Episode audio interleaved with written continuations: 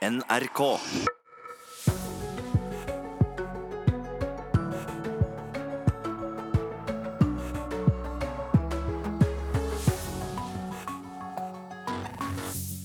Skogbrannfaren gjør at flere hundre skogsarbeidere i Sør-Norge kan bli permittert. Og USAs president Donald Trump advarer Iran om aldri å true USA. Spenningen mellom de to landene stiger, og vi hører fra vår korrespondent i Washington. Skal folk betale for innsyn i offentlige dommer? En rettssak kan avgjøre denne bitre striden som pågår i miljøet nå. Og naturen lokker tusenvis av turister til Nordfjord, men lokalbefolkningen er lei av at det ikke finnes toaletter. Dette er blant sakene her i Nyhetsmorgen i NRK P2 med Ugo Fermariello i studio. Velkommen. Tørken i Sør-Norge rammer nå også skogsarbeidere. Skogbrannfaren gjør at skogsdrift for første gang siden 1970-tallet er forbudt i flere fylker på Sør- og Østlandet samtidig. Og dermed kan opptil 500 skogarbeidere bli permittert. Jeg hører det knaser i Skogen ved Jarseng i Skien har nesten ikke fått regn siden tidlig i mai. Det merkes, sier skogsentreprenør Ivar Mustvedt. Det fyker jo rundt maskinene, og du hører det knaser når de går. Og, og vi ser jo at eh, vann i bekker og myrer, det er jo vekk. Så, så det er ekstremt tørt.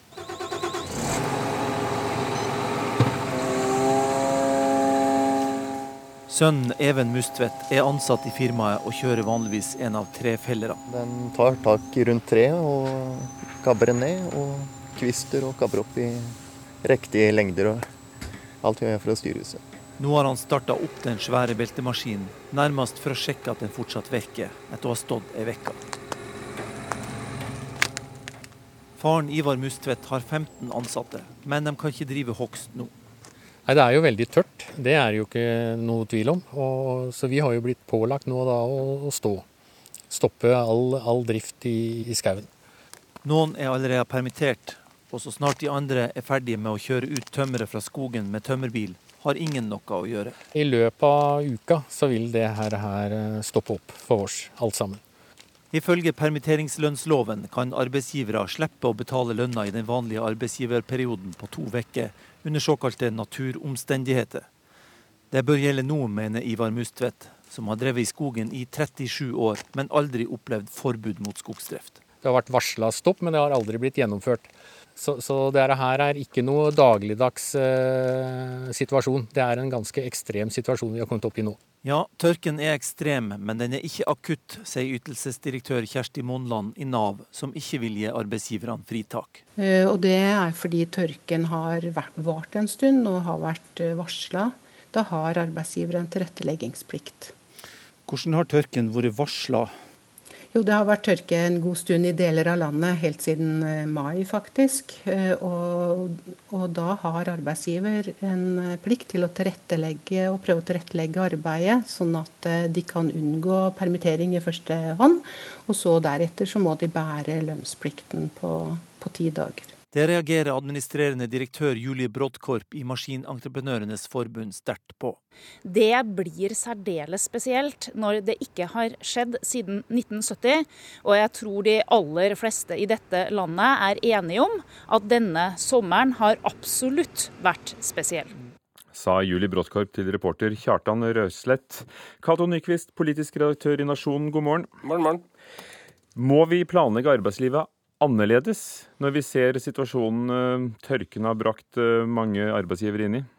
Ja, Vi vet i hvert fall at det går inn i en tid hvor eh, klimaet er i endring. Og, og, vi kan forvente flere slike ekstraordinære eh, værfenomener eh, som påvirker eh, bransjer som er, er utsatt for, for vær og vind, og, og, og endringer i naturen.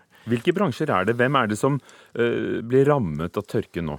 Nå er det jo i første rekke jordbruk og skogbruk som er, direkte ramma av tørken. Men eh, det vil jo si at det påvirker også de industriene som er knytta til, til de næringene, sånn som næringsmiddelindustri og skogindustri.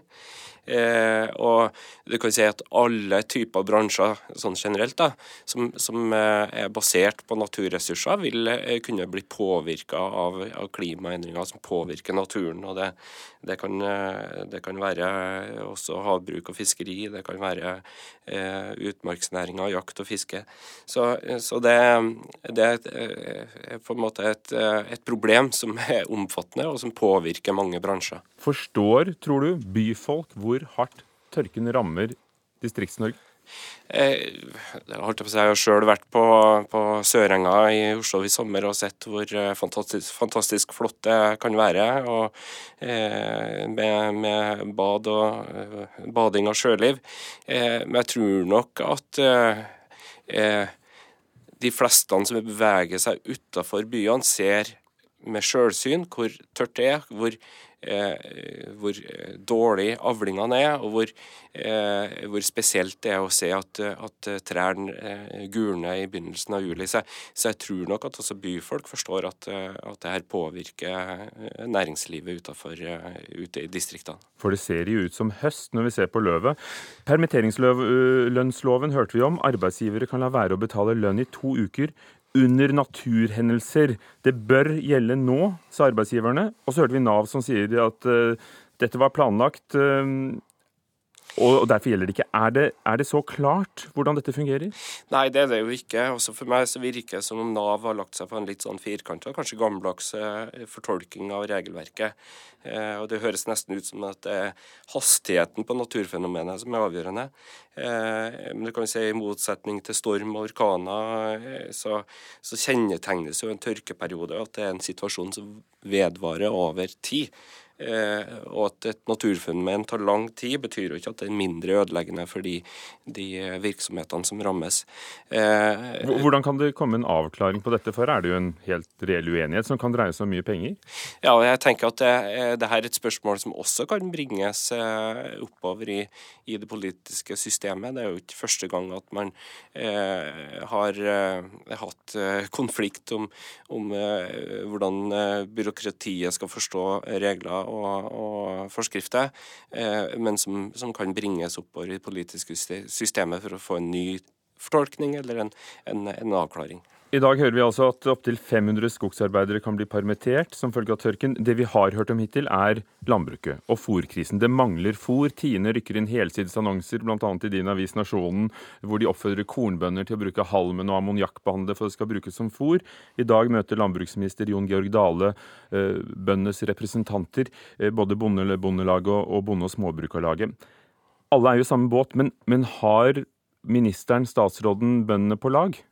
Ja, altså, jeg vil, altså eh, eh, Landbruksministeren har jo eh, allerede gjort grep og innført uh, endringer og tilpasninger som, som uh, letter situasjonen for landbruket. Jeg tror, uh, Selv om det har vært diskusjoner underveis, så har mange i landbruket oppfatta det som at myndighetene er på laget og, og prøver å finne fleksible og, og, kreative løsninger som letter situasjonen. I dag så vil det være et møte hvor landbruket kommer med en lang liste med, med forslag til en, en, mer omfattende krisepakke. hvordan statsråden stiller seg til det, eh, det vet jeg ikke. Det vet jeg ikke før etterpå. Eh, men det er klart at eh, de vil nok ha mange punkter på den lista som, som vil koste penger utover det som, som, ligger i jordbruksavtalen. Og det er klart at da, da kreves det også en, en, en utstrakt vilje hos, hos regjeringa hvis det skal imøtekommes. da. For det er jo politikk også? Ja visst er det politikk. Eh, alt som eh, handler om, om penger og ressurser i, i landbruket, det, er, det er, er, politikk. Takk skal du ha. Cato Nyquist, politisk redaktør i Nasjonen.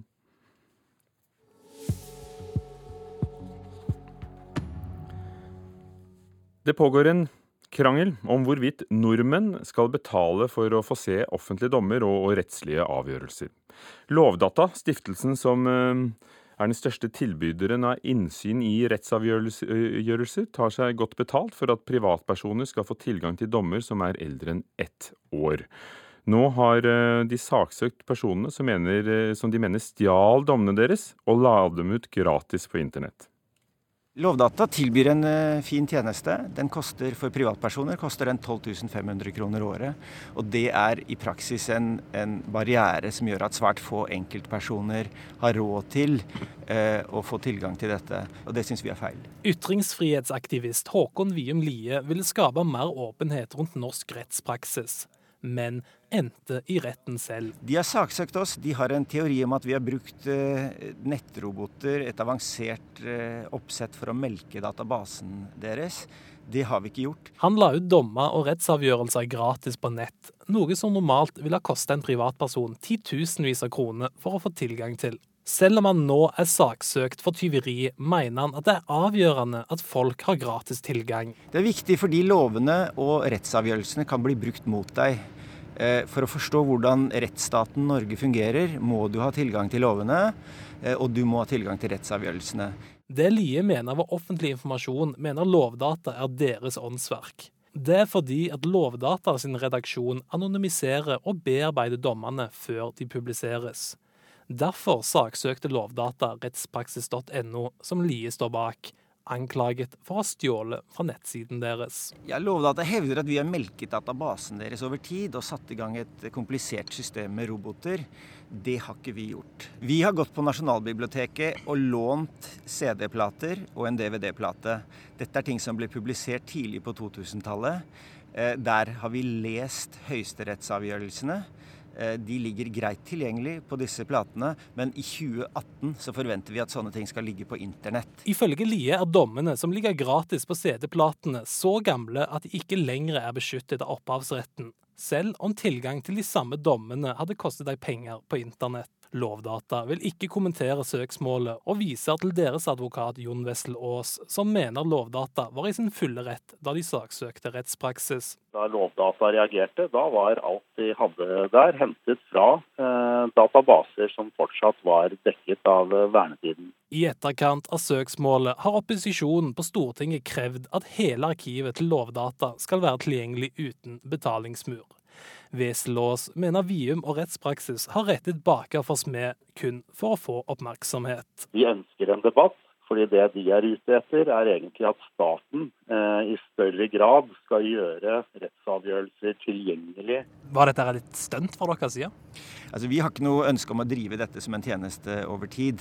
Eh, for oss er det viktig å markere, og rettspraksis.no eh, markerte veldig klart at rettsavgjørelser skal være fritt tilgjengelig for norske brukere. Så det var et stunt? Ja, det var et stunt. Det sa Håkon Vium Lie, og partene skal møtes i retten for muntlige forhandlinger i løpet av høsten. Reporter var Ola Solheim. Klokken er passert kvart over syv. Du hører på Nyhetsmorgen i NRK. Hovedsaker i dag. En person er drept og 13 såret etter skyting i Toronto i Canada. Gjerningsmannen er også død. Flere hundre skogsarbeidere kan bli permittert som følge av tørken i Sør-Norge. USAs president Donald Trump sender en kraftig advarsel mot Iran om aldri å true USA. Og det er det vi skal høre om nå. Spenningen mellom Iran og USA stiger etter at Irans president Hassan Rouhani advarte USA mot å føre en fiendtlig politikk mot landet, og sa at en krig med Iran ville være alle krigers mor, men også at en fred med Iran ville alle være alle fred, all freds mor. Det gjorde han på en TV-tale i går kveld. Og nå, for ikke mange timene siden, har USAs president Donald Trump svart på Twitter i en minst like truende tone. USA-korrespondent Tove Bjørgaas i Washington DC, hva skriver Trump? Trump skriver med store bokstaver utelukkende 'aldri, aldri tru eh, USA igjen'. Da vil dere lide store konsekvenser som ingen, eller få i historien, har lidd før. Eh, så det er ganske kraftig språkbruk fra presidenten, som også etterfølger andre utspill fra Trump-administrasjonen i løpet av helga. Denne, denne, striden har jo kommet i stand etter at USA trakk seg ut av Iran-avtalen, og har truet eh, Iran med, med kraftige oljesanksjoner, bl.a. Så var det altså TV-talen til Rouhani i Iran i går. Men ved midnattstider norsk tid så møtte jo også utenriksminister Mike Pompeo eksiliranere i California og, og sa advarte presteregimet, kalte en gjeng med hyklere som beriket seg på folkets bekostning. og kunngjorde at USA vil starte en 24-timers nyhetskanal og, og, også på sosiale medier for å, å støtte regimeskiftet. Hva, hva sa han, hva ligger i det? Nei, det, det, er altså en, en, en, taktikk eh, fra administrasjonen her for å dempe spenningen, fordi de altså mener at Iran stadig truer. Det er også derfor USA har trukket seg fra Iran-avtalen. De tror ikke på Rouhanis regime. Og dermed så vil eh, altså Pompeo og Utenriksdepartementet hjelpe til å støtte en, en TV-kanal som kan hjelpe andre synspunkter å bli hørt i Iran, altså forsøke å påvirke den iranske befolkningen. Dette er faktisk noe vi også så mens eh, George Sover Bush var president i 2004. Så ble det startet en eh, TV-kanal som het Al-Hurra, som noen kanskje husker som var delvis finansiert av den amerikanske staten for, fordi man var blitt lei av all den antiamerikanske dekningen til f.eks. Al Jazeera. Eh, men altså det er en slags propagandakampanje, og det er nok også det som er årsaken delvis til at Rouhani kommer med sine utspill. Er eh, Donald Trumps uh, twittermelding i store bokstaver og, og Mike Pompeos uh, utspill i, i, natt, er det noe som går hjem hos amerikanske velgere? Noe som flere enn Trumps velgere liker? Det er jo eh, slik at vi har hørt, slik, altså vi har hørt trusler mot Iran. Iran har jo vært en av USAs mest erklærte fiender svært lenge. Og Trump-administrasjonen har jo vært soleklar der. Men det er klart at nå har man jo hatt dialogen med Nord-Korea, og USA har ikke fått det de har ønsket av, eh, av etter, etterspill etter møtet med, med Kim. Eh, så mange her mener også at USA har ikke kapasitet til å legge seg ut også med Iran nå. Men denne sanksjonsdebatten eh, fortsetter jo å gå, og det var mange også i Kongressen som ønsket å fullstendig lamme iransk oljeproduksjon ved eh, å kutte den med, med hele to tredeler. Nå, nå, er sanksjonene USA foreslår litt mildere enn det. Eh, men, men, det er klart eh, akkurat så harde ord som Trump bruker nå, det, det er jo ikke amerikanere vant til. Men, men det er harde ord, men hvor, hvor reelle er disse truslene? Hvor, hvor alvorlig skal vi ta dem? Altså, Trump har jo brukt slike ord tidligere også. F.eks. For i forhold til Kim, som vi husker hva han har kalt ham, og, og, hvordan, og det da etter hvert endte med dette møtet. Det, det, mange mener at han prøver på nå, er jo en slags, slags skremmetaktikk igjen for å, for, for å, få iranerne til å gi eh, etter og gjøre endringer på hjemmebane. Tove Bjørgaas, i dag avslutter du eh, din jobb som USA-korrespondent eh, i Washington DC. Hva kan vi vente oss av USAs utenrikspolitikk frem mot valget i høst? Vi har jo fått en forsmak nå, kanskje? Ja, altså det jo, dette kommer i stor grad til å handle om, om innenrikspolitikk, dette valget. Men det kommer selvfølgelig også til å handle om både det som har skjedd i forhold til Nord-Korea, den generelle sikkerhetssituasjonen i USA, og selvfølgelig også det som vi så i forrige uke i møtet med Putin.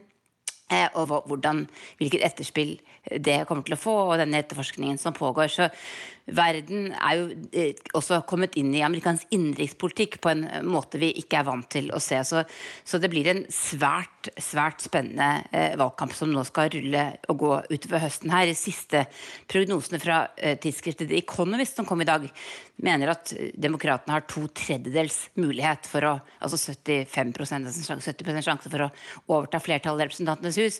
Men det er altfor tidlig å si. Jeg tror vi skal få se en en kongressvalgkamp vi kanskje aldri har sett maken til. Og det har vært en spennende tid? Det har vært en nesten litt for spennende tid. Eh, så det er eh, Jeg vet at NRK har eh, sikret en, en god etterfølger etter meg, men det har vært litt av et privilegium å få, forsøke å formidle den ekstremt spesielle situasjonen som har vært her i landet det siste halvannet året. Takk, Tove Bjørgaas.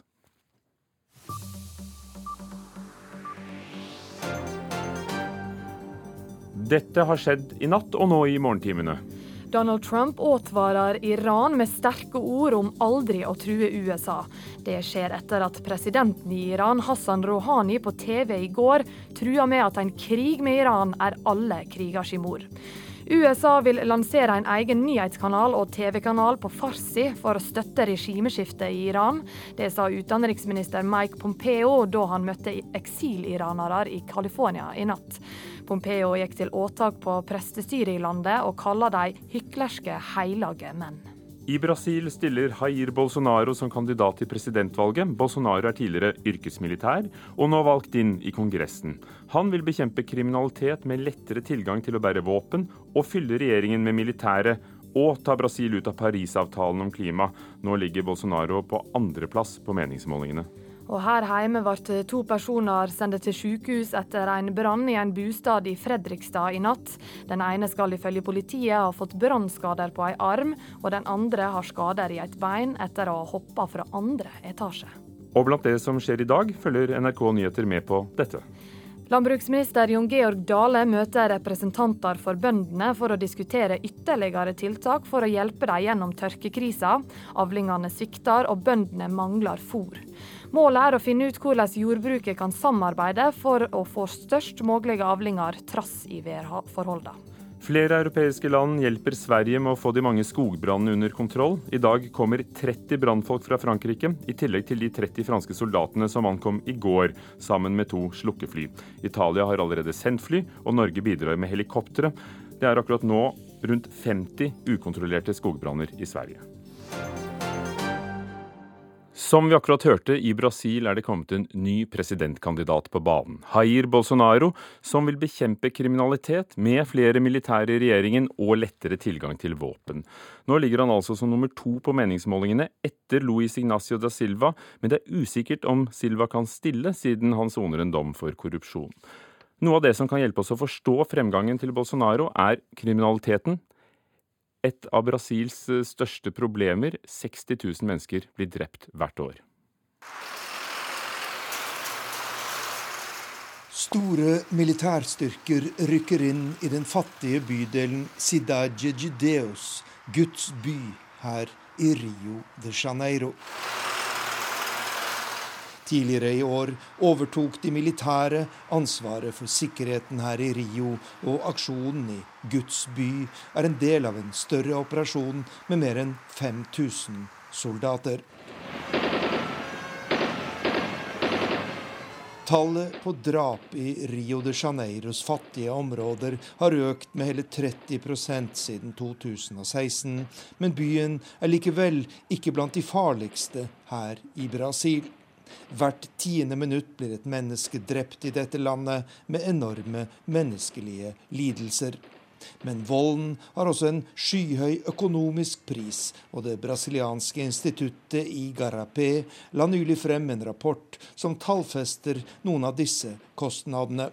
Her er forskningsdirektør Robert Muga. First, what we're seeing is an for det første ser vi en økning i utgiftene til politiet, Forsvaret, fengslene og rettsvesenet som følge av den økte kriminaliteten. I tillegg taper samfunnet enorme summer på at unge mennesker blir invalidisert og belaster sosialbudsjettet resten av livet, i stedet for å bidra til landets verdiskapning, sier forskningsdirektøren. Utfordringene her i Brasil er enorme i det viktige valgåret 2018. Økonomisk krise på femte året, tidenes korrupsjonsskandale og altså en voldskultur som frarøver landet store verdier. For norske selskaper som har investert hele 250 milliarder kroner i det brasilianske markedet, er det krevende tider, og mange har vurdert å gi opp. Men Norges største selskap, Equinor, tidligere Statoil, satser friskt, forteller konsernsjef Eldar Setre under et besøk her i Rio. Vi har vel investert nærmere 10 milliarder dollar i landet så, så, langt. og eh, De oppgavene vi nå har foran oss, de vil jo innebære enda større investeringer fremover. Vi kommer til å tidoble produksjonen vår i de neste 10-12 eh, årene. Så, så det, er, det, er, det, er, en ganske stor oppbygging av aktiviteten og store investeringer, stor aktivitet i, i Brasil. Eldar Sætre, Equinors konsernsjef, intervjuet i Rio de Janeiro av Arnt Stefansen, og det er i oktober det er presidentvalg i Brasil. Mange båtvrak ligger forlatt på havets bunn langs kysten. En sportsdykkerklubb har funnet 15 fritidsbåter og fiskefartøy i området rundt Harstad. Noen av dem lekker olje, og det er jo en miljøfare, men problemet er at selv om eierne har ansvaret, så er det vanskelig å finne dem. Dette er en båt som er eh, sunket for eierne, sank ved kai her. Og vi vet også at de har prøvd å eh, ta den opp eh, ved flere anledninger men det har ikke lyktes. Sportsdykker Siv Pedersen er på Refsnes i Kvæfjord. Her ligger et av båtvrakene som dykkerklubben har funnet. Det er ganske mange. Hvis jeg begynner liksom å regne og telle, så er det la oss nå si innenfor en radius av fem mil rundt området her hvor vi opererer. Så det er sikkert en 10-15 vrak som vi vet om. Eh, noen har vi funnet, noen vet vi om. Men hva tenkte du når du eh, faktisk fant såpass mange vrak som dere har funnet? Det er, med, det er, en todelt eh, sak, akkurat det der med å finne vrak. For det første så um, kan det si, glede et dykkerhjerte, fordi at du har kanskje et nytt dykkemål og en interessant uh, ting som du kan følge med i utviklinga på hvordan går det med det her. På den annen side så, så er det et fremmedelement på bunnen. Den skal ikke, skal ikke være vrak der. og det kan uh, forurense. Vi ser at det leker olje fra en god del av vrakene. Og det oppløses jo sakte, men sikkert i eh, havet. Det er en, eh, en skjerk, type fiske, fiskebåt.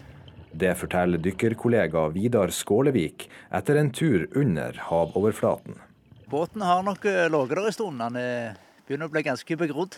Og så var det en, en, liten, en liten lekkasje med olje som pipla opp. Og det var masse personlige gjenstander med redningsvester og stoler og norske flagg lå inni, inni styrhuset.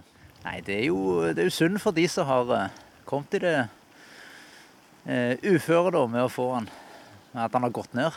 Så det er jo, ikke, det er jo en svær båt, så det, jeg skjønner jo godt at de har problemer med å, med å få han opp. Eieren av båten på Refsnes sier til NRK at det ikke skal være store mengder olje om bord. De planlegger å gjøre et nytt hevingsforsøk, men mangler penger. Det ligger nok ganske mange fritidsbåter og også andre båter. Miljødirektoratet kjenner godt til problemet. Det sier seksjonsleder Pål Spillum. Det kan være noen steder hvor det ligger spesielt mange. Og det kan også være en del eiere av marina som sliter med at folk setter igjen båten sin og bare lar den ligge. Eh, miljøfaren er særlig knytta til olje som kan lekke fra motor eller fra drivstofftanker. I tillegg så vet vi at båter som er lagd av plast, så vil en del av plasten skalle av etter hvert og kunne bli mikroplast. Og reporter var eh, Dan Henrik Klausen. Produsent for Nyhetsmorgen i dag er Muneve Gildis, teknisk ansvarlig Hanne Lunås og programleder Ugo Fermariello. Men vi holder jo på frem til klokken ni, aller først Dagsnytt 7.30. Og så skal vi møte Mette Nord, som er eh, leder for det største forbundet i LO om et kvarters tid klokken halv åtte.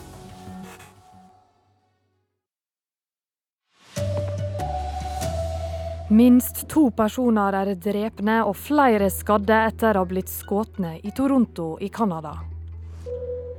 Skogbrannfaren gjør at flere hundre skogsarbeidere i Sør-Norge kan bli permitterte. Nydelig natur lokker tusenvis av turister til Lodalen i Nordfjord, men ingen tenker på hvor de skal gå på do. Nå er lokalbefolkninga lei. Her er NRK Dagsnytt klokka den er 7.30. I Toronto i Canada har en mann skutt rundt seg i et nabolag med kafeer og restauranter. Minst to personer ble drepne, og flere er skadde. Politi med automatvåpen, hjelmer og skuddsikre vester har sperret av store områder i Toronto. Politiet samler informasjon fra øyenvitner til drama som utspant seg i natt norsk tid. En kvinne filmet det som skjedde utenfor hjemmet hennes da gjerningsmannen skjøt rundt seg. På opptaket forteller hun hva hun var vitne til. Mass shooting right Um,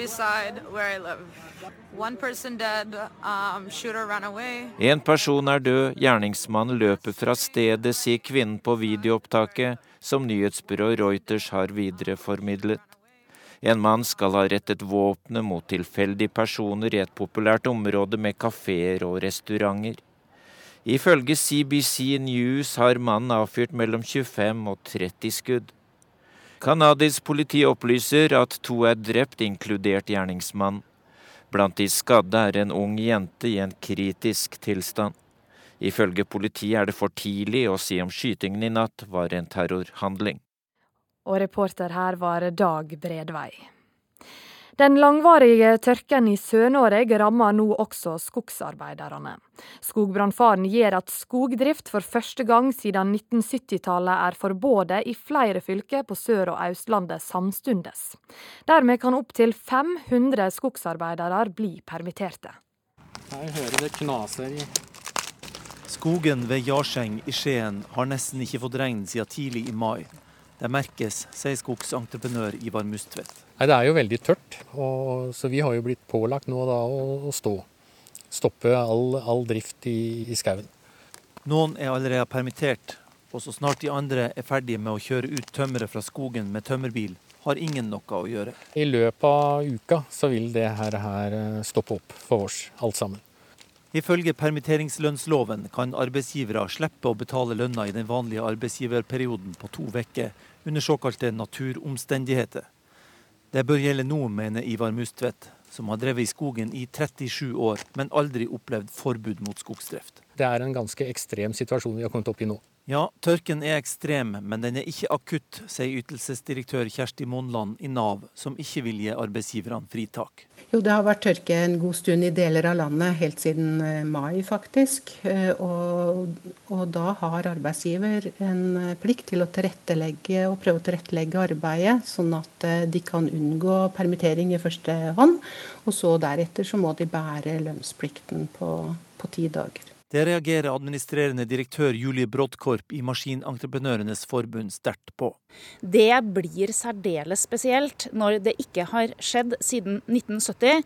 Og jeg tror de aller fleste i dette landet er enige om at denne sommeren har absolutt vært spesiell. Reporter i saka var Kjartan Røslett. Og den tørre sommeren i Sør-Norge fører også til den største fòrkrisa i landbruket på flere tiår. Nå inviterer landbruksministeren bondeorganisasjonene for å diskutere ytterligere tiltak. Bondelagsleder Lars Petter Bartnes håper at møtet kan gi en endelig avklaring for bøndene.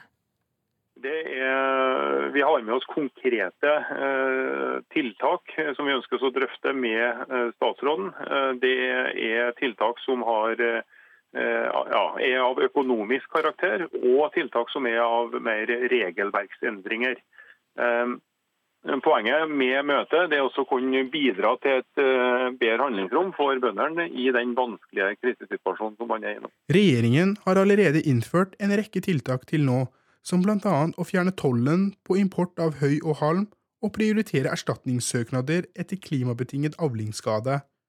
Bartnes er fornøyd med dagens tiltak, men mener det er behov for ytterligere avklaring. Eh, det er gode tiltak som har kommet så langt. Det bidrar et stykke på vei. Vi eh, har med oss eh, konkrete tiltak som kan bidra ytterligere. Og Vi ønsker å ha endelig avklaring på mest mulig av det i møtet, sånn at får, eh, bonden får en klar eh, beskjed i bakkant av møtet. Reporter Farad Mangal. Mange vil hjelpe svenskene med å slukke de rundt 49 skogbrannene som herjer i landet. Rundt 30 spesialtrente franske soldater er nå på plass for å hjelpe til med slukkingsarbeidet. Svenskene får også hjelp fra flere andre europeiske land, og Norge bidrar med ti slukkingshelikopter og mannskap. Det går nå føre seg en krangel om nordmenn skal betale for innsyn i offentlige dommer og rettslige avgjørelser.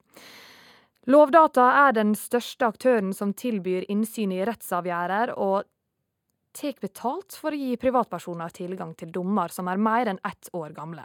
Nå har de saksøkt personene som de mener stjal dommene deres, og la dem ut gratis på internett. Lovdata tilbyr en uh, fin tjeneste. Den koster for privatpersoner koster den 12 500 kroner året. Og det er i praksis en, en barriere som gjør at svært få enkeltpersoner har råd til eh, å få tilgang til dette. Og det syns vi er feil. Ytringsfrihetsaktivist Håkon Wium Lie vil skape mer åpenhet rundt norsk rettspraksis. Han la ut dommer og rettsavgjørelser gratis på nett, noe som normalt ville ha kosta en privatperson titusenvis av kroner for å få tilgang til. Selv om han nå er saksøkt av Lovdata for tyveri, og at nettstedet hans rettspraksis.no umiddelbart ble stengt, mener Vium at han er i sin fulle rett til å gi folk gratis tilgang. Det er viktig fordi lovene og rettsavgjørelsene kan bli brukt mot deg.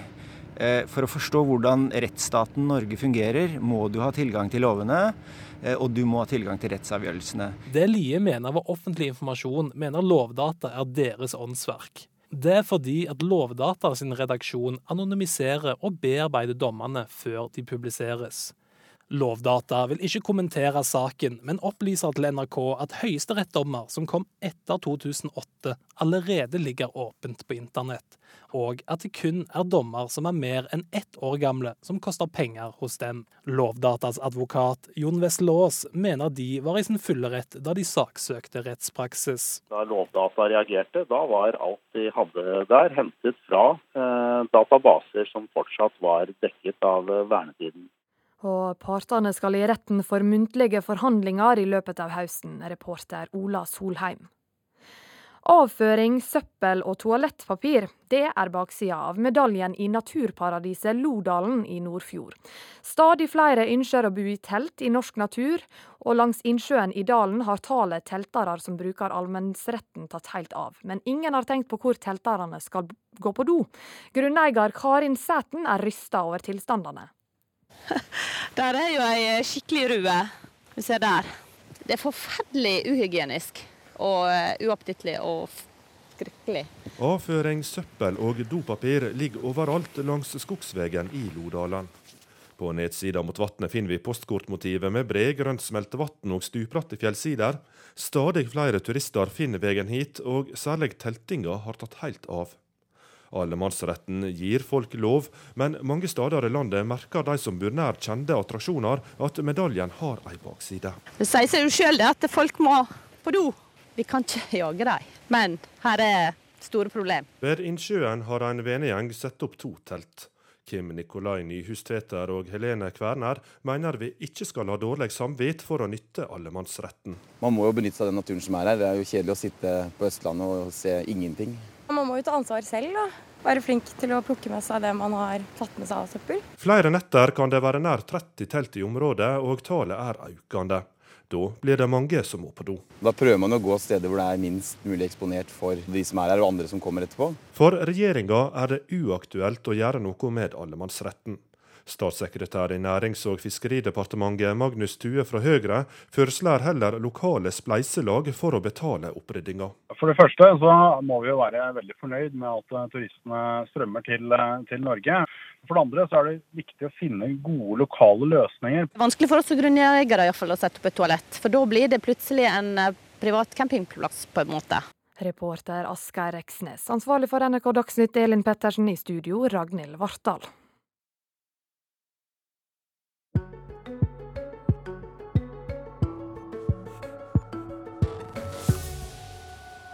Like sikkert som at mange nordmenn tar ferie, kommer også historiene om folk som dumper kjæledyrene sine, katter f.eks., før sommerferien.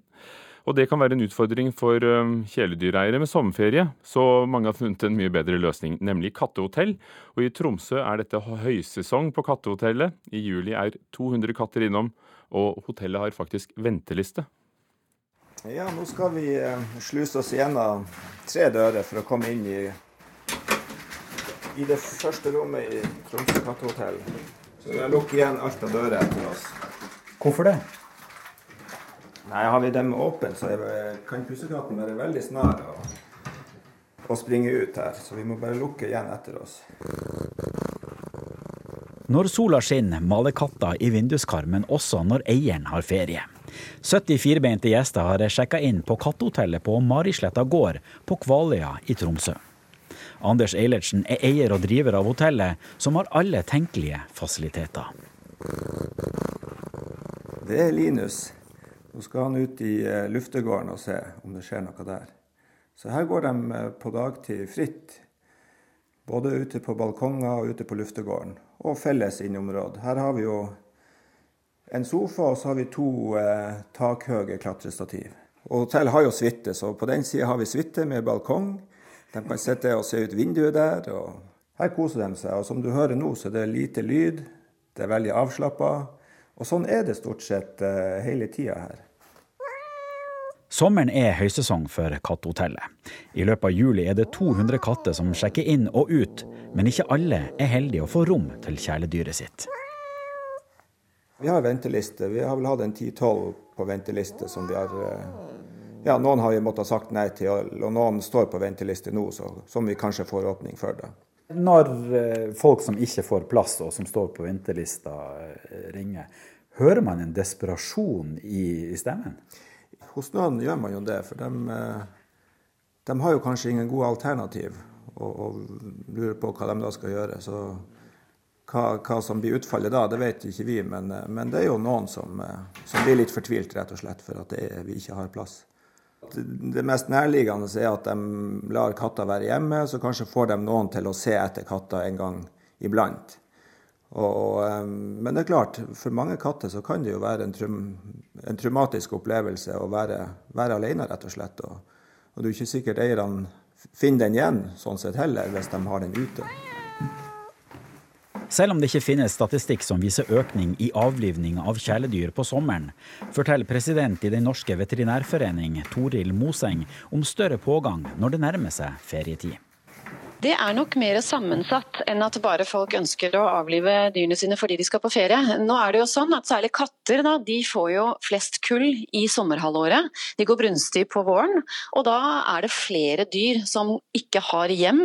Eh, og så er det jo sånn at I ferietiden så eh, er det mange som tenker hvis de har et gammel, en gammel syk eh, dyr, hund eller katt, så tenker man at det er bedre da å avlive dyret sitt før man reiser på ferie, fordi det er trist. og da får man kanskje noe annet å tenke på, sånn at man tilpasser kanskje den avlivningen til rett før eh, ferien. Så det er mer sammensatt enn at man bare kvitter seg med kjæledyret før ferien? Ja, heldigvis så er det det. Men vi kan jo heller ikke se bort fra at det er noen som dessverre da reiser fra dyrene sine eh, når de reiser på, feriene, på ferie, og det er jo fullstendig uakseptabelt. Så det er klart at eh, de historiene man ser, og at man dumper kattekull både i søppelsekker her og der, eller finner de et eller annet sted, det er ikke akseptabelt. Og det skjer selvfølgelig, dessverre.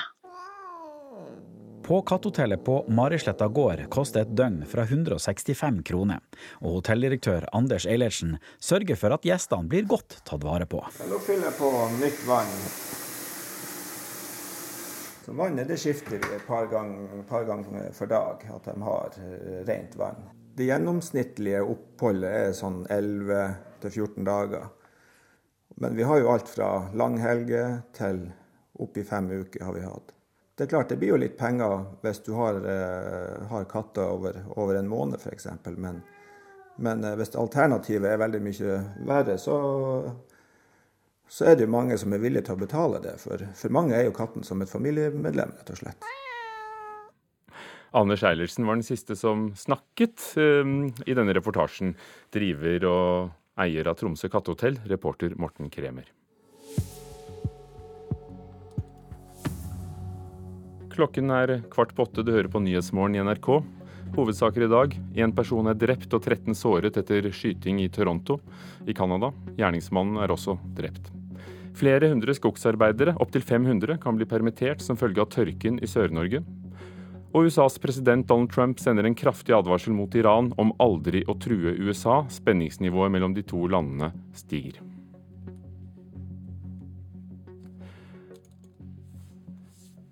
Mette Nord leder det, første forbundet i LO med 360, det største forbundet i LO med 363 000 medlemmer.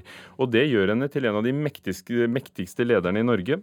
To ord som passer om henne som leder av Fagforbundet, er ryddig og myndig.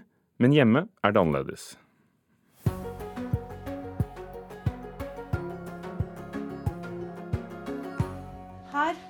Det altså et, eh, dette bærer preg av eh, at vi er hjemme hjemom en liten tur og vasker tøy. Og har hatt mye, mye gjester på hytta. Så da går de i ett med vaskemaskiner og tørketromler og ut i lufta og i det hele tatt. Mette Nord har én dag hjemme i Porsgrunn etter to uker på hytta med storfamilien. Men det er ikke uvanlig for Fagforbundets leder. Det vet også barnebarna. De andre holdt på å le seg i hjel av det, fordi hun, når hun, eh, hun mellomste skulle lære å si bestemor, så kunne jeg ikke skjønne, for hun sto og ropte 'bestemotor'! Bestemotor! Og så sto og dro meg i skjørtekanten, og så sier jeg, så sier jeg 'hva er det du sier'? 'Bestemotor, hør her, da!' passer ganske bra. Ja, det var det de andre sa. Det er jo helt Jeg syns jo ikke det sjøl, men eh, jeg liker å gjøre ting. Jeg blir nok fort rastløs og sitte stille. Hvem er det til? Nå er det til Albert. Det er genser til Albert. Han er ett år, så han skal få ny genser. Så da er det klirring med strikkepinner. Og jeg måtte rekke opp, da, for jeg hadde tatt meg feil strikkepinner på hytta. Sånn at jeg så plutselig at dette stemmer jo ikke. Da var det bare å rekke opp, og så begynner jeg på'n igjen. Men blir du ikke irritert, da? Jo da. Men jeg hadde blitt enda mer irritert av å se på et resultat som ikke var ålreit. Så da var det bare å ta opp. Det er travelt. Det er travelt. Hva, er det? Hva har du gjort? Kirsebær. Fem kilo kirsebær i går. Hva ble det? Syltetøy? Syltetøy. Ja, jeg syns kirsebærsyltetøy er noe av det beste syltetøyet som fins.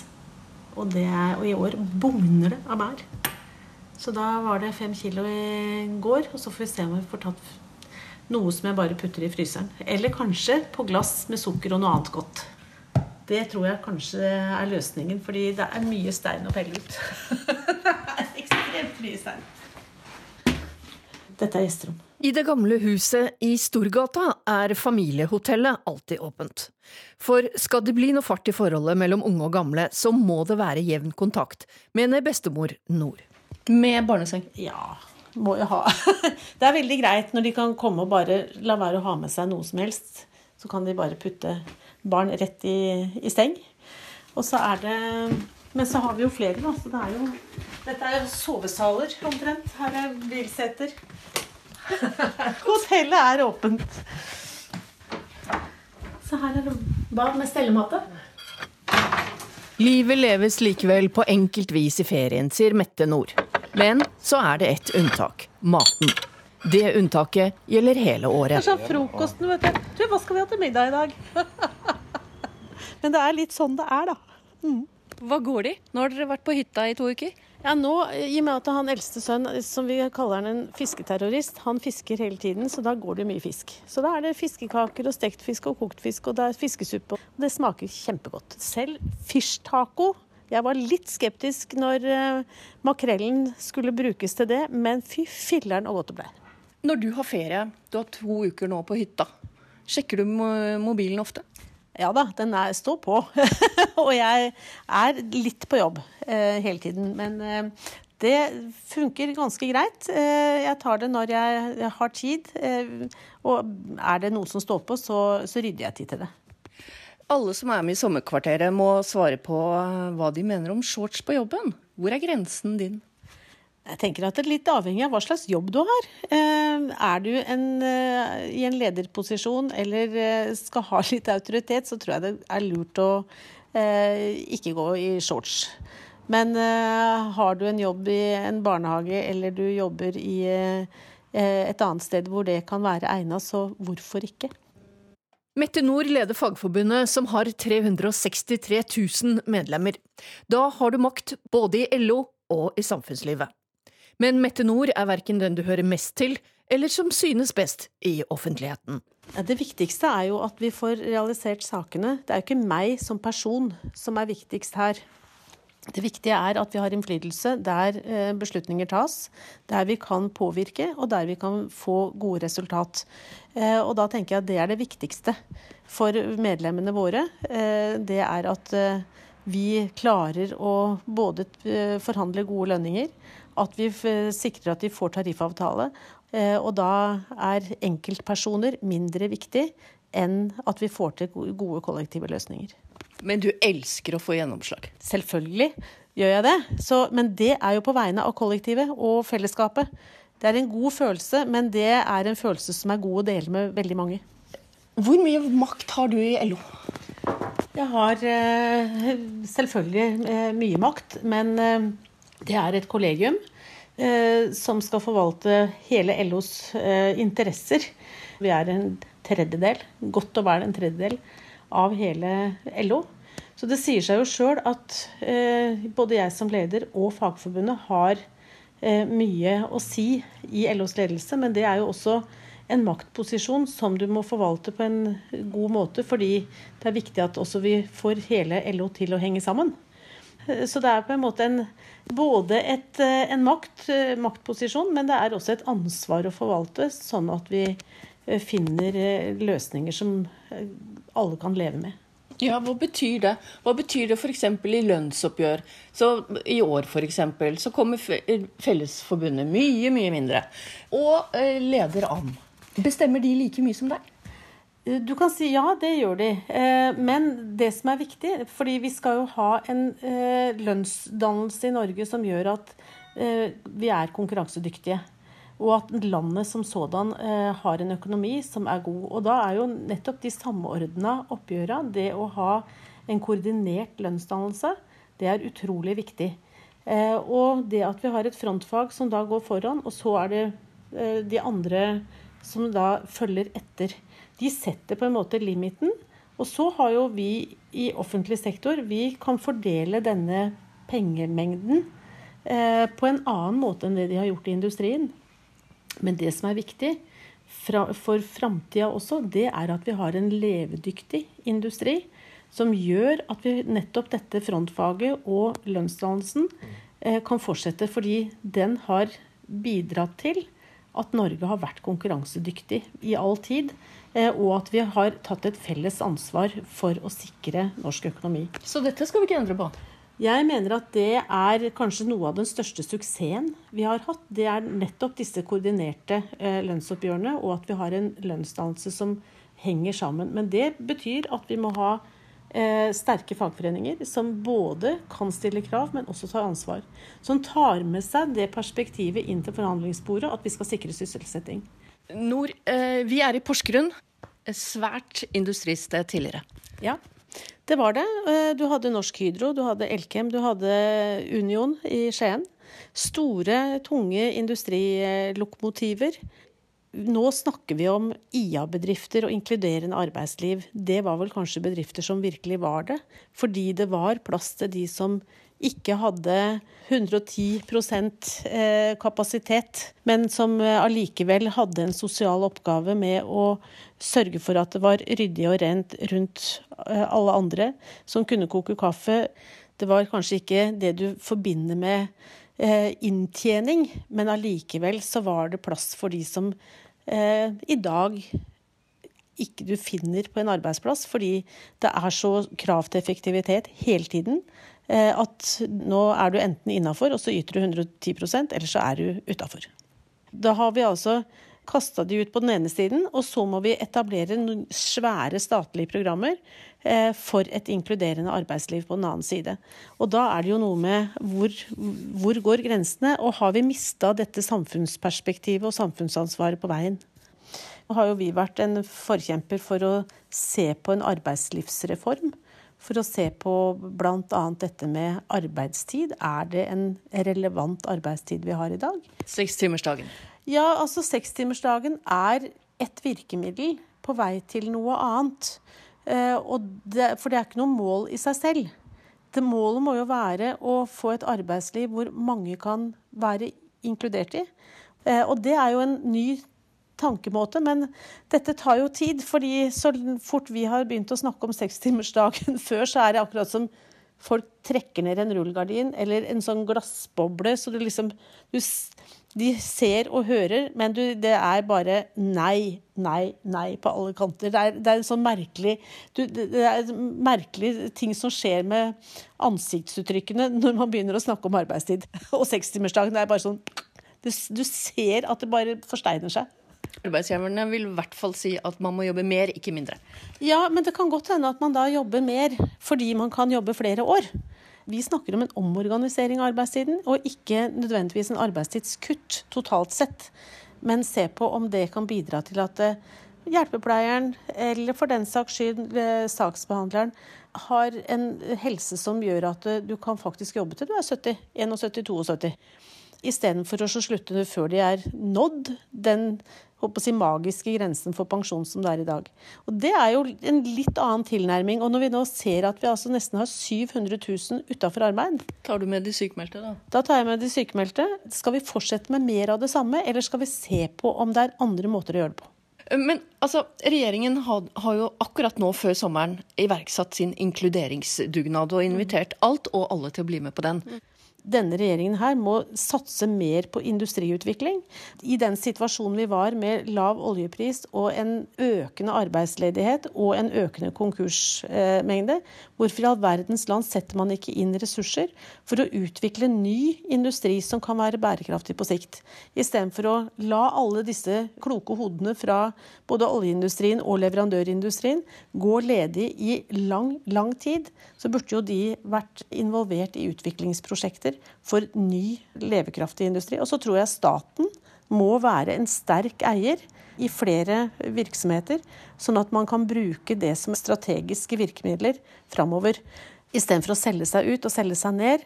Og det både gir inntekter til staten, og på den annen side så er det viktig at man har eh, kontroll og styring for å sikre norsk økonomi framover. Men nå går det bra? Ja, nå går det bra, men det er også andre årsaker. Det er både lav kronekurs og det er andre ting som har bidratt til det. Men skal du tenke hvordan bygger vi dette samfunnet videre, sånn at vi opprettholder dette med små forskjeller, et godt arbeidsliv for alle, da tror vi du må tenke nytt. Hva er den saken som gjør at du går og går. Det er jo nettopp for etterslekta og for at det samfunnet jeg har vært så heldig å vokse opp i, at det også kan få videreutvikle seg til å være inkluderende og sikre en god framtid for barnebarna. Og det er på en måte det som er hele drivkraften, det er jo å videreføre og videreutvikle et samfunn som ikke får flere som faller utafor, snarere tvert imot inkluderer. Eh, og det at vi skal prøve å få et varmere samfunn med plass til alle, det er en drivkraft. Nettopp fordi jeg kanskje da har fått barnebarn. Det gir jo inspirasjon til å påvirke det norske samfunnet. Og det andre er jo at eh, en må jo ha tru på at det nytter. Men eh, du Mette Nord, du gir aldri opp, du? Den som gir seg, er en dritt. men, nei da, men eh, det kan jo ikke gi seg. Altså, politikk er langsomt. Eh, noen ganger så må du eh, jobbe iherdig i mange, mange, mange år. Hvis man vil, så får vi det til. Noen ganger så tar det bare litt lengre tid. Og så må vi tenke at det er nå viktigere enn noensinne. For på et eller annet tidspunkt så vil dette snu. Sa Mette Nord i sommerkvarteret, intervjuet av reporter Hedvig Bjørgum, og Nord er altså leder i Fagforbundet i LO. Næringsminister Torbjørn Røe Isaksen fra Høyre sier i en kommentar at eh, Fagforbundet skyter skivebom med kritikken mot regjeringen. Isaksen viser til at staten nettopp har kjøpt ny norsk industri gjennom Kongsberg Gruppen med penger fra statskassen. Fagforbundet er det forbundet i LO som er minst konstruktive i utviklingen av ny politikk for industrien, sier altså Torbjørn Røe Isaksen i sin kommentar. Du hører på Nyhetsmorgen frem til klokken ni her i NRK. Aller først Dagsnytt.